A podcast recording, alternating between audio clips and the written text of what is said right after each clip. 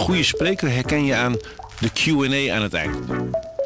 Onze lifehack-expert Martijn Aslander geeft je adviezen waar je echt wat aan hebt. Beluister en bekijk Martijn of een van onze andere experts op businesswise.nl.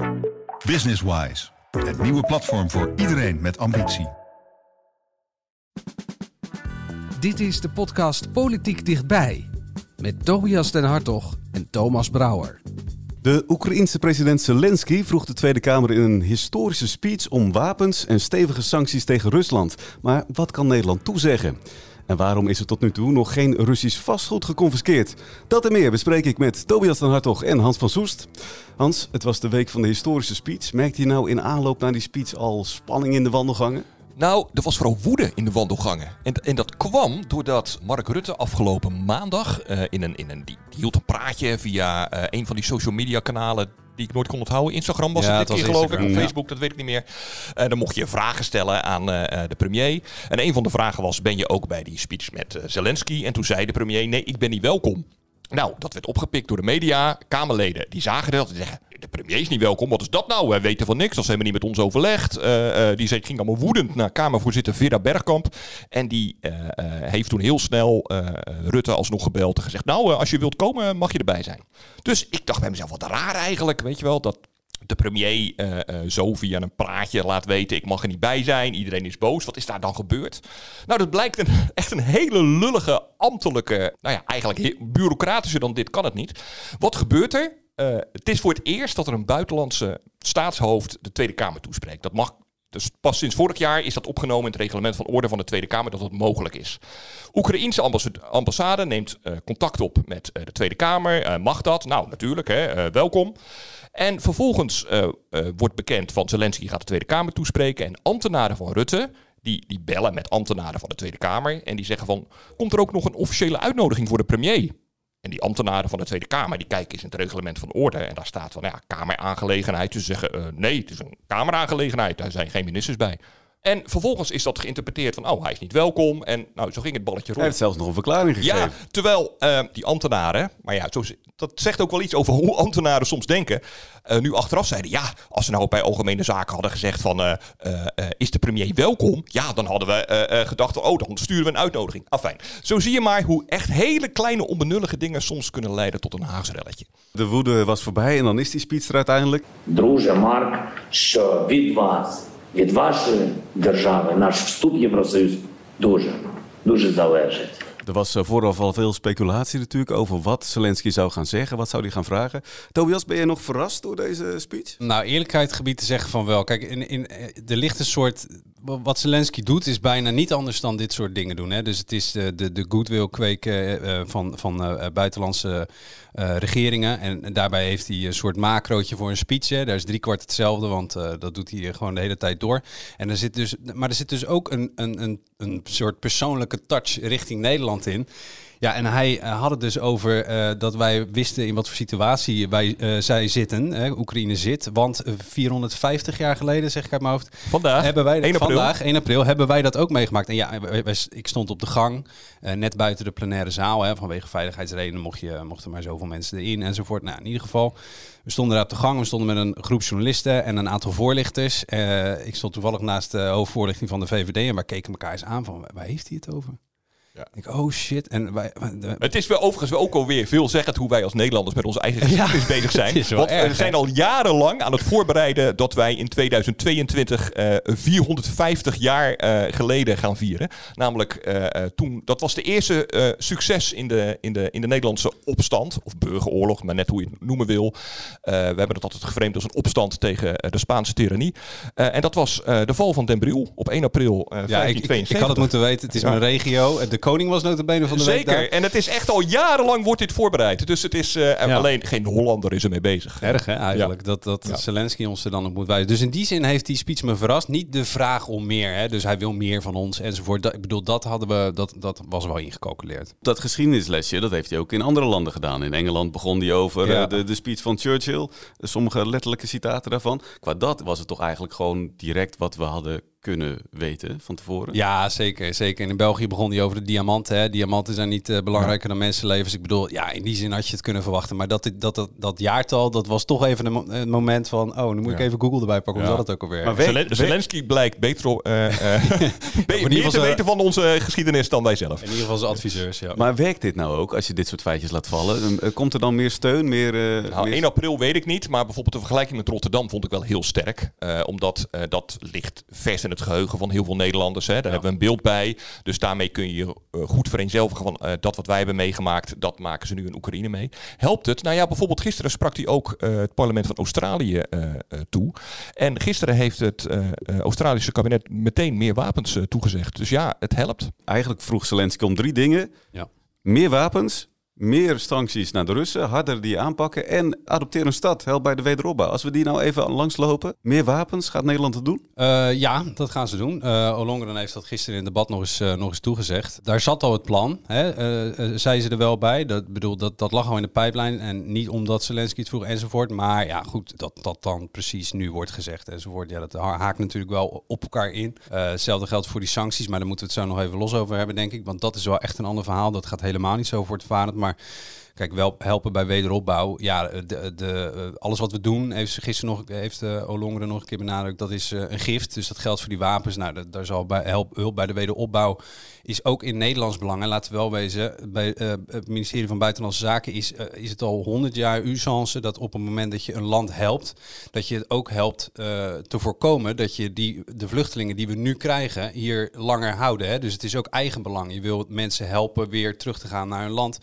Dus ja, dus dat geen, er kwam niet meteen drie keer een ja op, maar er kwam wel drie keer een soort, soort jaatje. Nou, er kwam in ieder geval één nee. Er Want hij zei ook nog, uh, uh, hij vroeg eigenlijk verkapt ook nog een vierde ding. Namelijk, uh, hij sprak Mark Rutte persoonlijk toe. Uh, om was zijn, een sneertje zijn, wel eigenlijk. Ja, nou ja, ook, ik weet niet of het een sneer was. Mijn vriend maar, Mark Rutte. Mijn vriend Mark. Eigenlijk riep hij hem verkapt op om zijn verzet te staken tegen snelle toetreding van Oekraïne tot de Europese Unie. Nou, daarvan zei Rutte meteen na afloop, nee, dat gaan we niet doen. Je, Nederland is een van de landen die dat tegenhoudt, hè? Ja. die daar tegen is. Ja, we over zijn overigens daar echt niet de enige in.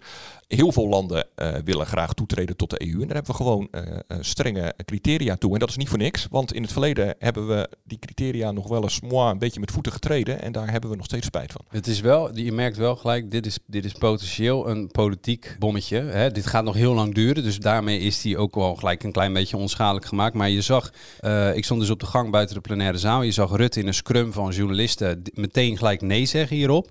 En uh, met zijn rug uh, naar Rutte toe stond Jan Paternotte bij een andere cameraploeg te betogen.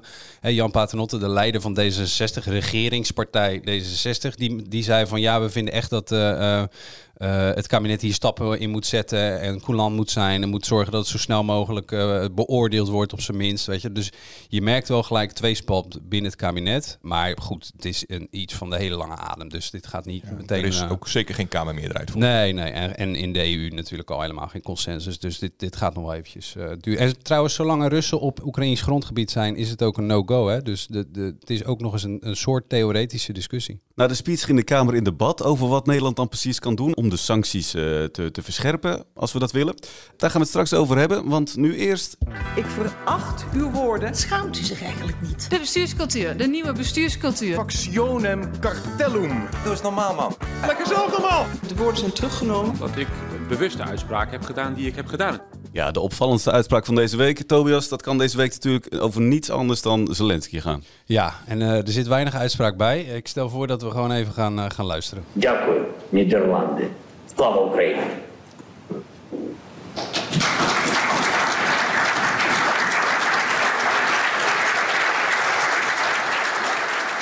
Applaus. Kijk, applaus voor Zelensky. De speech is geweest. Uh, parlement, parlementariërs gaan staan uh, en die klappen, die applaudisseren. Nou, dat is, ik, ik vond het om uh, meerdere redenen opvallend. Enerzijds, je hebt, dit is nieuw, hè? zoals Hans al zei, het reglement van orde is aangepast. Dus je, merkt ook, iedereen is nog een beetje aan het zoeken van, op zoek van, ja, hoe ga je hiermee om? Um, je zag vervolgens applaus, staande ovatie zelfs. En uh, het was leuk om te zien hoe dat ging. Want je zag D66 en GroenLinks, die gingen als eerste staan. En die gingen applaudisseren. Toen zag je andere fracties kijken. Oh, oh, wacht even. Die gaan staan. Nou, dan gaan wij ook staan. Gaan we ook klappen. En je zag in het, helemaal in het hoekje van het parlement, dat vond ik het meest treffend. Daar zag je de PVV-fractie. En er zaten vooraan Wilders had uh, coronabesmetting, dus die was er niet. Uh, je had Sietse Fritsma en Fleur Agema. Die zaten vooraan in de bankjes. En die zag je even een momentje naar elkaar kijken van... Oh, wacht even. Gaan wij uh, meeklappen? Ja, we gaan meeklappen. Oké, we klappen mee. Uh, gaan we ook staan? Ja, oké, we gaan ook staan. Nou, en, en toen stonden ze uiteindelijk. En dat, dat, dat is zo tekenend voor... Uh, en ik bedoel, daar hebben ze alle recht toe hoor. Ik bedoel, het, het staat iedereen vrij. Maar het is zo tekenend voor de... Ja, een beetje moeilijke relatie die uh, de PVV blijft hebben met de oorlog in Oekraïne. Ik bedoel, enerzijds veroordelen ze het, maar niet keihard. Uh, uh, ze hebben altijd een vrij pro-Russische koers gevaren. En ja, nu vinden ze toch ook wel Rusland de agressor. Hè? Maar ze vinden eigenlijk dat we min of meer buiten het conflict zouden moeten blijven. Dus je merkt gewoon, en binnen die fracties echt niet iedereen zit er echt niet over op één lijn. Dus je, je merkt dat dat gewoon een, dat blijft een moeilijke relatie. En dat vertaalde zich naar dat wijfelende applausje. Wat ik ook wel, en ik bedoel, kijk, op het moment dat de oorlog is, dat slaat alle argumenten uit handen. Hè? Maar amper twee jaar, drie jaar geleden, nou ik ben slecht in de tijden, maar in ieder geval, de, we hebben de openbaarmaking van de Pandora Papers gehad. En welke partijen stonden er toen op de achterste poten van uh, uh, dat we belastingparadijzen en schimmige constructies moesten aanpakken? Dat waren D66 en GroenLinks. Hè? Die stonden daarbij voorop. Uh, Klaver uh, vooral, hè, die belastingparadijzen waar die via die uitgelekte Pandora Papers melding van werd gemaakt. Ja, dat vonden ze allemaal een schande. Maar wie staat er in die Pandora Papers? Zelensky. Die heeft, voordat hij aantrad als uh, president, heeft hij zijn, via constructies op de Maagdeneilanden, Cyprus meen ik, heeft hij zijn belangen drooggesteld op, ja, met constructies die wij, in ieder geval in Nederland, uh, niet in de haak vinden. En dat wordt dan verdedigd met ja, maar Rusland is zo corrupt, hij kan zijn geld daar helemaal niet, uh, überhaupt niet kwijt zonder dat het wordt afgepakt. Maar het, het is wel, we staan dus ook te klappen voor iemand die in die Pandora Papers uh, komt. En natuurlijk, de situatie is nu compleet anders. Dit land is aangevallen. Daar wil ik niks aan afdoen. Maar ik vond het applaus. Nou ja, het, het had aan alle kanten meerdere lagen en verhalen, vond ik. Ja, tegelijkertijd vind ik. Je hebt gelijk hoor, natuurlijk, uh, Tobias, wat je zegt. Tegelijkertijd, we hebben een soort van, van, van rare wil uh, alsof iedereen echt volkomen uh, heilig uh, ja. moet zijn, weet je wel, om alles maar in goed en slecht te ja. zien, wit en zwart. Zo is het natuurlijk niet. De nee. wereld is vol met grijstinten. Precies. En als we het nog even gaan hebben over de PVV, om daarop terug te komen, ze had op zijn minst het fatsoen om erbij te zijn. Om, dat had Forum voor Democratie niet. En prompt, ze hebben door die toch wat onfatsoenlijke actie meteen nog maar één senator over. Want mind you, drie jaar geleden won uh, Forum voor Democratie de statenverkiezingen. Werden in één klap toen even de grootste partij van het land. Uh, kwamen uh, binnen met heel veel, uh, hoeveel waren het er Tobias? 12, 13? 12, ja. 12 senatoren vanuit het niets in de Eerste Kamer. En drie jaar later hebben ze door allerlei afsplitsingen, interne ruzies en gedoe en nog maar eentje over. Ook een van de, hè, de, de, belangrijke Hiddema die nu uit de partij ja, stapt. Het is wel echt pijnlijk hoor. Ik bedoel, hoe kun je, nog even los van wat je van Forum voor Democratie uh, uh, vindt. Maar wat ik werkelijk niet begrijp is als je als partij zo'n mandaat krijgt voor de kiezer, van de kiezer, want dat hebben ze echt gehad uh, drie jaar geleden. Hoe kan je het zo, nou ja, sorry, ik wilde een lelijk woord zetten, uit je handen laten vallen? Ja. ja. Nou ja, met het vertrek van uh, Frentrop en, uh, en, en Hiddema houden ze inderdaad één over. Ja, dat is wel een hele, dat is een treurige constatering. Hiddema zegt overigens dat dit nu zijn echte vertrek is. Hè? Hij heeft al uh, eerder gezegd. Over een paar maanden zien we hem toch gewoon weer terug, Tobias? Ja, ik, ik weet het niet. Het is wel verzuurd. Het, het, kijk, Hiddema was het, heeft destijds kritiek gehad op de antisemitische appjes die de ronde deden bij de jongerentak van Forum voor Democratie. Hè? Dat was de reden tot, een, tot dat, dat de partij onder hoogspanning kwam te staan en leidde uiteindelijk de eerste grote scheuring in. Hè, waarbij een heel bataljon aan mensen, Joost Eertmans, uh, uh, Eva Vlaardingenbroek, nou, een heel bataljon ging weg bij de partij. Hiddema bleef en heeft later vooral nog moeite gehad met het uh, uh, dat er een soort uh, ja, satanisch kindermisbruik zou plaatsvinden door hooggeplaatste ambtenaren. Nou, daar heeft, dat, dat, daar heeft Hiddema ook publiekelijk van gezegd, nou, dat is echt, dat is echt onzin. En je merkt ook op het coronastandpunt, die vergelijking met de Tweede Wereldoorlog, daar heeft Hiddema ook een paar keer van gezegd, dat staat me niet aan. En je merkte al, hij ging steeds meer naar de achtergrond. Want ja, die partij werd de anti uh, vaccinpartij, de anti-corona-maatregelpartij. En daar voelde hij zich gewoon niet zo heel erg senang bij. Dus hij kwam op een, op een zijspoor. Je zag hem al niet meer in de laatste campagne.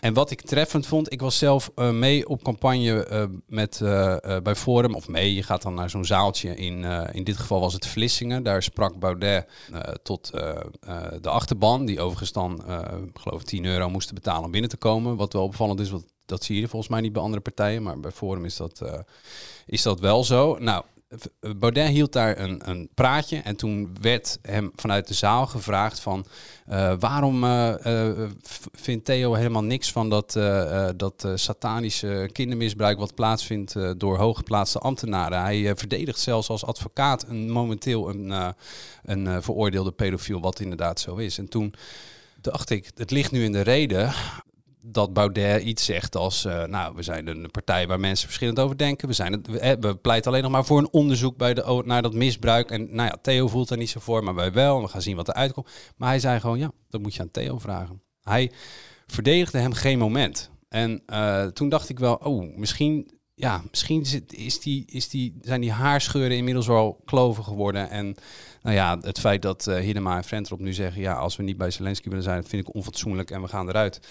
Uh, ja, dat verbaast dan uh, niet zo. Wat gaat dit nou betekenen voor Forum uiteindelijk? Uh, ze zijn een stemmentrekker kwijt in elk geval, want dat was Hiddema. Ze hebben nog een, een harde kern aan, ehm, aan kiezers over. Dat bleek wel bij de gemeenteraadsverkiezingen, maar echt heel groot is die niet meer. Eh, vertaald naar de Kamerverkiezingen, als er nu Kamerverkiezingen zouden komen, zouden ze nog zo'n nou, zo'n vier zetels overhouden. Mm. Ja, dat is natuurlijk niet meer de potentie die de partij gehad heeft. Ja, je moet je nagaan. Hè? In 2019 voelde Rutte zich zo uitgedaagd door die partij dat hij een live televisiedebat nog nodig vond om Baudet van zich af te slaan. Ik bedoel, het is, er, is echt, er is echt wel wat geïmplodeerd daar. En uh, kijk, binnen de, uh, in ieder geval de mensen die rond die partij zitten, hè, die zeggen ja, dit is wel een, uh, het einde van het tijdperk. Want er zijn nu alleen nog maar hele jonge ja-knikkers over. De, de, de, de, de echte kern waarmee Baudet begon, hè, Otte, uh, Rook, uh, nou, destijds nog Jeroen de Vries. Het, het, waren, er zaten mensen om hem heen die hem af en toe een beetje bijstuurden, afremden, dat enthousiasme een beetje kanaliseerden. Ja, dat is er gewoon niet meer. Het is, ja, nou ja, op, Forum zou, wil ophef zijn, hè, heeft Baudet gezegd, en, of zal niet zijn. En nou ja, dit is denk ik wat er rest. Heel veel ophef en uh, een kleinere achterban. Forum was ook niet bij het debat dat uh, volgde na de speech van uh, Baudet. Daar kreeg minister Hoekstra maar weinig applaus van de Kamerleden. Die Kamerleden die wilden namelijk weten waarom Nederland zo weinig haast maakt met de uitvoering van de sancties tegen Rusland. wij lopen heel erg achter, hè? ook als je kijkt naar onze buurlanden. Ja, enerzijds het, uh, valt het wel mee. Er is wat voor te zeggen. Kijk, de bedragen in andere landen zijn hoger. Um, maar daar, daar zit wel wat vertekend beeld bij. Hè? Maar laten we eerst even die bedragen. België heeft bijvoorbeeld 10 miljard. En wij zitten op een half miljard. Nou, dat, dat lijkt een heel groot verschil. Punt is wel, België uh, telt wat dingen mee die wij niet hebben. A is het uh, SWIFT, dat betalingssysteem wat in, in Brussel is gevestigd. Daar, gaat, daar gaan ook tra transactie, transacties over en weer. Of die zijn gegaan in ieder geval. Hè. Rusland is een aantal banken van Rusland zijn er nu uitgezet. Maar België heeft een aantal bedragen uh, daarin meegeteld. Er zijn ook landen die tellen bijvoorbeeld uh, bevroren uh, tegoeden bij Europese banken mee. Dus dat, dat loopt ook nog weer wat op. Dan, maar is het dan gewoon een kwestie van een rekensom? Het en is de een ene zet beetje, de plussen wel en ja, de andere telt hem niet mee? Het is een klein beetje een semantische discussie waar het, op, waar het om dat geld gaat. Kijk, maar het grote... Uh, het, het, uh, het grote struikelblok tot dusver is ook niet dat geld, maar dat zijn het feit dat je in Italië, in Frankrijk, boten aan de ketting ziet gaan. villa's die worden bevroren, hoe voor zover je een, een, villa kan bevriezen, maar dan gaat er een slot op enzovoort. Daar zit de pijn van de Kamer. Het lijkt alsof Nederland in dat opzicht echt achteraan hobbelt. Daar waren dus veel vragen ook over vanuit de Kamer. minister Hoekstra had onvoldoende antwoorden, vond onder andere Jesse Klaver. Ik vind het echt onacceptabel. We hebben verdorie net geluisterd naar Zelensky. We hebben allemaal een groot motto we moeten meer doen. We moeten sancties invoeren. We moeten doorpakken. En dit zijn de antwoorden die we krijgen. De winstpersoon van Binnenlandse Zaken is verantwoordelijk. Nee, dit ligt bij Financiën. Dank wel. Of deze minister geeft antwoord. Ja. Of het hele kabinet komt hier te zitten. Ja, maar voorzitter, vind ik, vind, ik echt, vind ik echt te makkelijk. Vind ik echt te makkelijk, omdat ik begonnen ben... ben ik begonnen met uiteen te zetten dat het kabinet zich hier volledig elke dag voor inzet. Juist iedereen met, vanuit zijn eigen verantwoordelijkheid. De heer Klaver wil het kabinet een sticker. Dat jullie, we doen ons best. Er worden hier concrete vragen gesteld door de collega's. Voorzitter, ik vind dat er gewoon concrete antwoorden moeten komen. Nu. En als dat bij andere bewindspersonen ligt. Als de minister van Financiën hiervoor verantwoordelijk is. Laat haar maar komen. Minister van Binnenlandse Zaken als het gaat over het kadaster.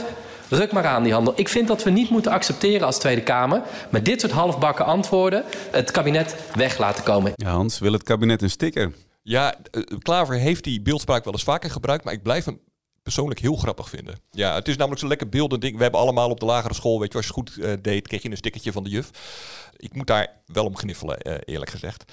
Ik snap de woede van de tweede, of in ieder geval van de oppositie, was eigenlijk nog woedender dan de coalitie. Maar ik snap de woede wel een beetje. Omdat ehm, eh, een van de redenen waarom eh, eh, Hoekstra gisteren nog niet veel antwoorden kon geven, is dat we nog steeds wachten op een, aanpas, een wetsaanpassing, uh, waardoor we een bepaalde, Tobias heeft hier meer verstand van dan ik overigens, maar we hebben in de, onze privacywetgeving kunnen we niet zomaar allerlei dingen uit de systemen halen. We en kunnen niet uitzoeken of een Rus de eigenaar is van een bepaalde Ja, dat heeft te maken met bepaalde privacywetgeving die we hebben nemen. Dat moeten we omzeilen. Nou ja, dat gaat het kabinet vandaag een besluit over nemen om dat nog te doen, maar dat had natuurlijk wel eerder gekund.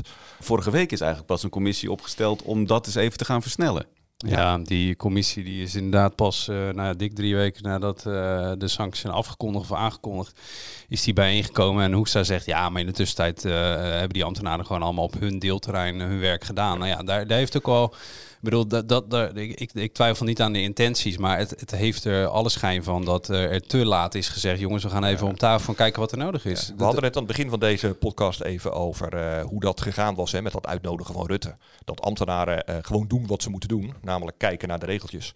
En je hebt er nog wel alle schijn van dat het hier ook wel bij gebeurd is. Weet je wel, iedereen doet ongetwijfeld uh, wat er moet gebeuren, maar heel even een stapje verder denken, dan ja. ontbreekt het nog wel eens. En waar ligt dat dan aan? Verkokering, ja. ja, op zijn eigen te te terreintje. En dat is ook wat gisteren de, de woede van de Kamer wekte. Dat Hoekstra zei, ja, maar voor de, voor de douane, ja, dan moet je bij de minister van Justitie zijn. Oh, voor, voor over woningen, nee, dan moet je bij de minister van Wonen zijn. Ja, dat geeft natuurlijk niet, dat is niet de, de, de, de daadkracht die je verwacht. Kijk, op het moment dat de sanctie wordt, sanctie wordt, uh, uh, wordt uh, afgekondigd, dan begint de tijd te tikken. Want die, die, de Russen, Russische boten die voeren uit naar veilige havens en naar landen die niet meededen met de sancties op de Malediven Montenegro. Ja, op het moment dat de, de, de, uh, je, je, je villa dreigt te verliezen, dan boek je, de, probeer je dat over te boeken. We hebben in uh, Dubai gezien uh, dat, dat Russen hun, hun geld daar naartoe hebben geprobeerd te verplaatsen. En deels ook is gelukt, zodra er sprake was van sancties. Ja, kijk, Nederland is, is daarin natuurlijk, bij ons is de klok ook gewoon gestart. En het lijkt erop dat, dat hebben we een privacywetgeving, we hebben de AVG. Ja, dat zit dan allemaal in de weg en dat kan dan niet. Maar tot twee dagen geleden uh, wist het, had het kadaster bijvoorbeeld nog geen verzoek uh, om eens even in de boeken te gaan duiken wel, welke gegevens van Russen er waren. Ja, maar dat, is, toch opmerkelijk? Ja, tuurlijk. Dat is, dat is heel vreemd. Dat is, dat is echt, ik, ik, ik, ik weet niet zo goed uh, hoe dat uit te leggen is. En dat deed Hoekstra dus ook niet zo goed. hij zegt, ja, er wordt heel hard gewerkt en er zijn hobbels en belemmeringen. ja, maar een minister is ook voor om hobbels en belemmeringen weg te nemen. Dus, nou ja.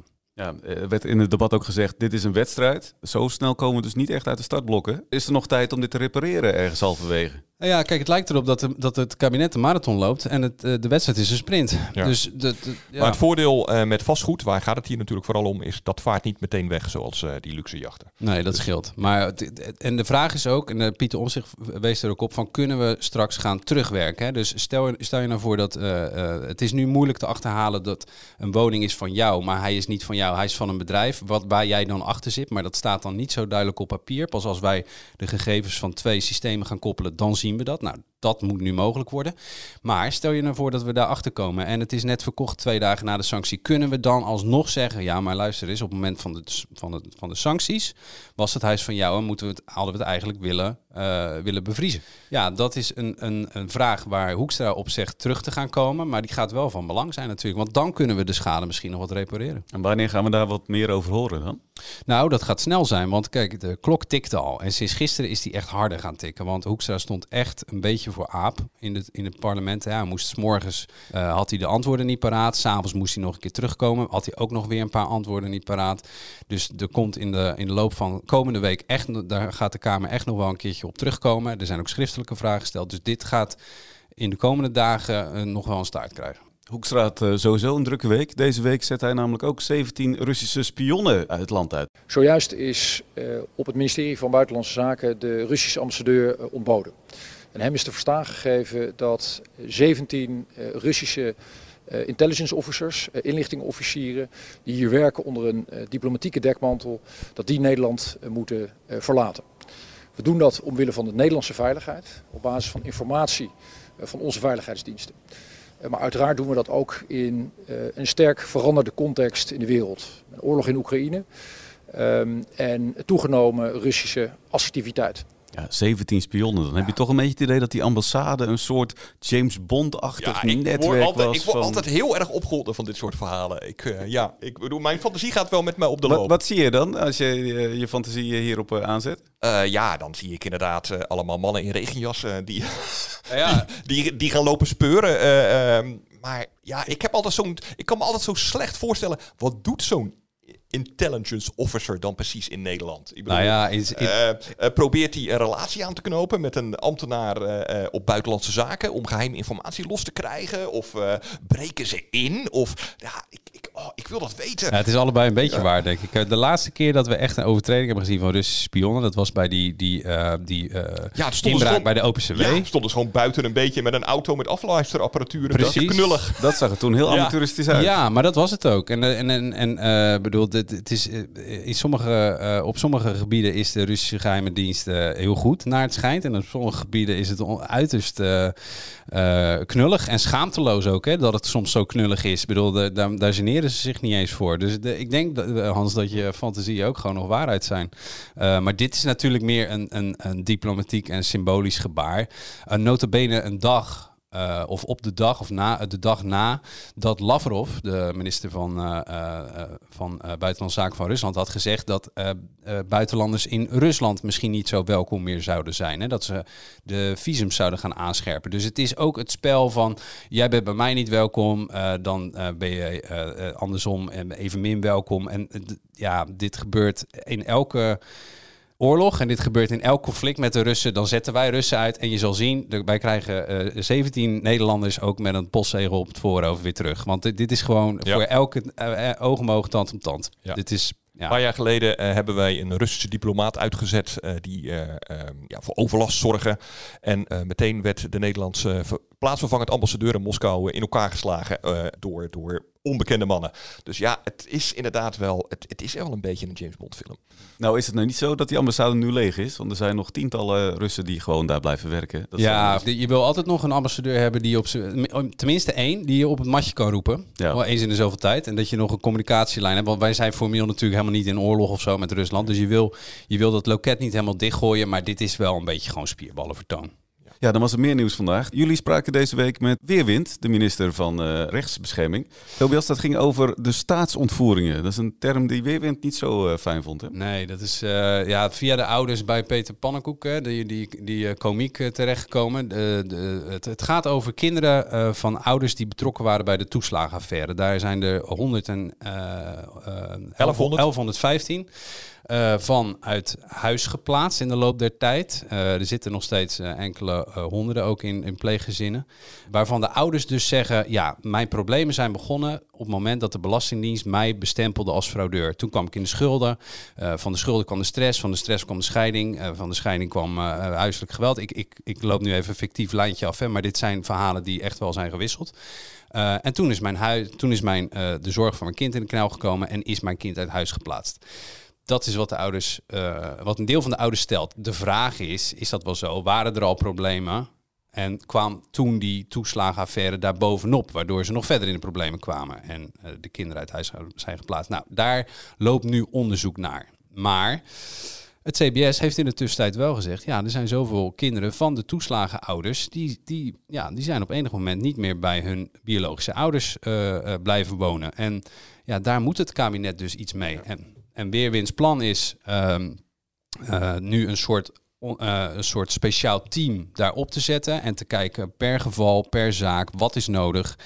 Eh, is bijvoorbeeld huisvesting nodig om gezinnen te herenigen? Of is er een bemiddelaar nodig bij de jeugdzorg, jeugdzorg waarbij het contact is vastgelopen? Of is het alleen al belangrijk dat we ouders en kinderen weer in dezelfde ruimte krijgen? Nou, daar worden nu een heel legertje ZZP'ers uit die jeugdzorg getrokken om, die, ehm, ehm, ja, om dat op gang te trekken. Eh, De Tweede Kamer is nog verder van enthousiast, gaat te langzaam, eh, eh, het is te weinig. eh, Het klinkt vooral dat dit nog heel lang gaat duren. Ja, nou ja, kijk, vooropgesteld, het is ook ingewikkeld. Wat laten we niet doen alsof die, eh, eh, al die 1115 gevallen allemaal eh, dezelfde soort gevallen zijn. Hè? Kijk, er wordt nu gedaan alsof dat allemaal kinderen zijn die ten onrechte bij ouders zijn weggehaald. Die zijn gemangeld, eerst zijn gemangeld door de overheid en daarna ook nog eens een keer hun kinderen zijn verloren. Alleen dat weten we niet. Ehm, eh, we weten niet eens of al die eh, kinderen uit gezinnen komen die eh, ten onrechte eh, in de toeslagenaffaire zijn aangemerkt als, als fraudeur. Dat weten we niet. We weten niet waarom die kinderen zijn weggehaald. Dus je kunt ook niet zomaar zeggen, oh, al deze kinderen die moeten terug naar hun ouders. Want misschien komen die wel terug in een hele gevaarlijke situatie. We willen geen herhaling van een Savannah-drama of een meisje van Nulde. Dus eh, natuurlijk moet je al die eh, gevallen individueel bekijken. Al die gevallen overigens, dat vergeten we ook nog wel eens bij te zeggen. eh, die zijn ook allemaal al die uithuisplaatsingen zijn goedgekeurd door een rechter. Die heeft gekeken naar de omstandigheden thuis en die heeft beoordeeld. Luister, het is niet meer veilig voor dat kind om thuis te zijn. Moet uit huis. Tegelijkertijd kun je wel afvragen. Hoe kan het dat het zo lang duurt om 1115 is misschien veel, maar ook weer niet extreem veel. Die dossiers niet gewoon goed te bekijken. Ik, bedoel, ik snap daar helemaal niks van. Ja, het is nog ingewikkelder dan dat, want van, we weten dat aantal weten we, maar we weten eigenlijk niet eens wie dat zijn. En sterker nog, een heel aantal van die ouders heeft zich nog niet eens bij de overheid gemeld. Dat komt namelijk omdat CBS heeft geanonimiseerde cijfers gekregen uit twee datasets die de overheid heeft. Eentje bij de, eh, bij de Belastingdienst en de andere in de, in de jeugdzorg. En die heeft die, die sets op elkaar gelegd, op de zeef gelegd. Nou, wie is wie, eh, of, of- wat zijn de overeenkomstige gevallen? En daar is dat getal uitgerold van eh, eh, 1115.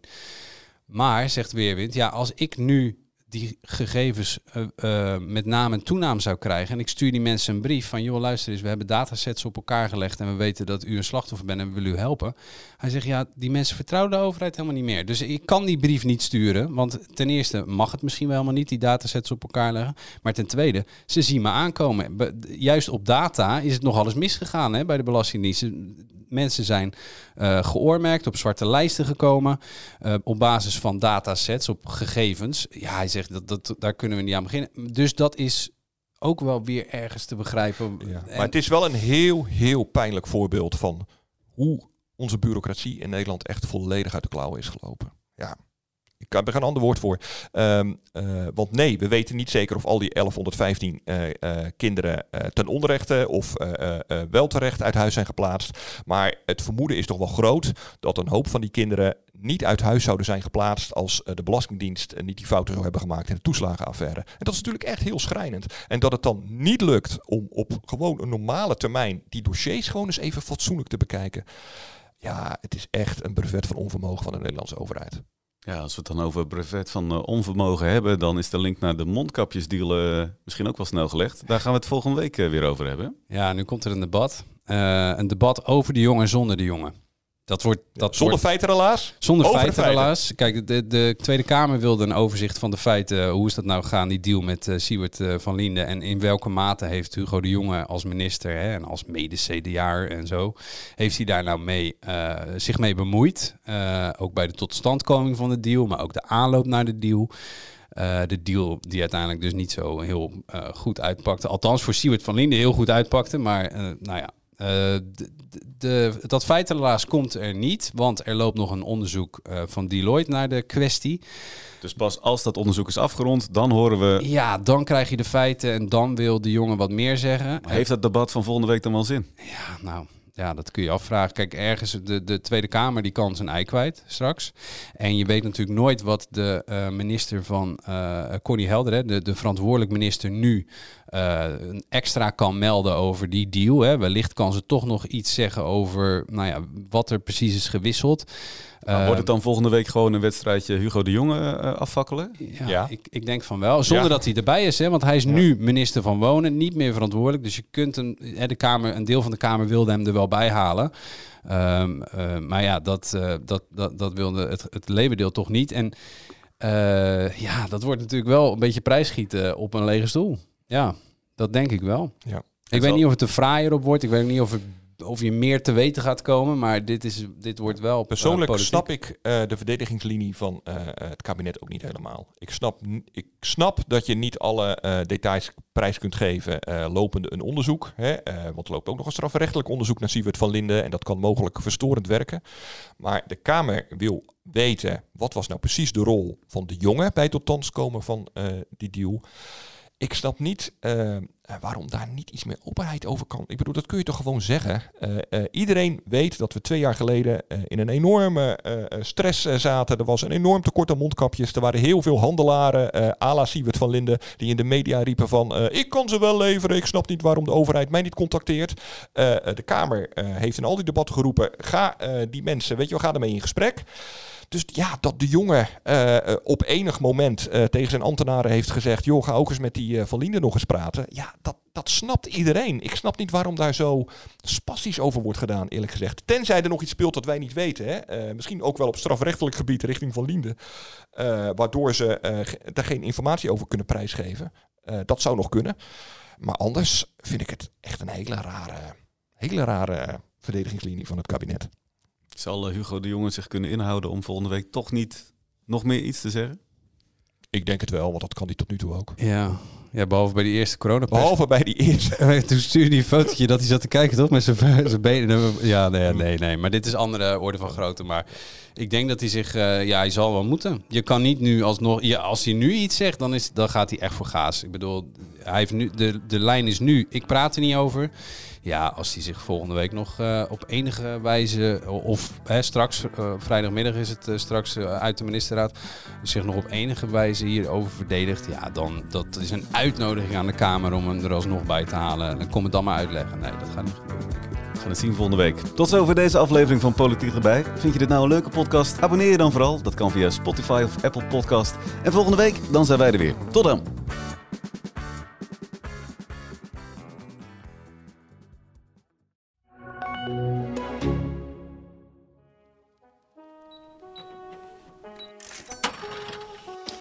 Mijn naam is Bram Verbrugge. Ik ben coördinator van de Centrale Economie Redactie en wij maken een podcast over economie die je in je broekzak voelt. Wil je daar meer over weten? Abonneer je op Geel Dichtbij.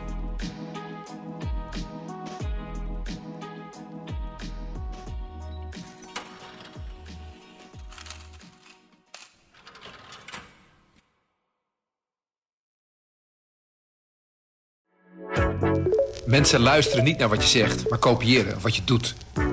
Onze vitaliteitsexpert Martin Hersman helpt je te focussen op wat echt belangrijk is. Beluister en bekijk Martin of een van onze andere experts op businesswise.nl. Businesswise, het nieuwe platform voor iedereen met ambitie.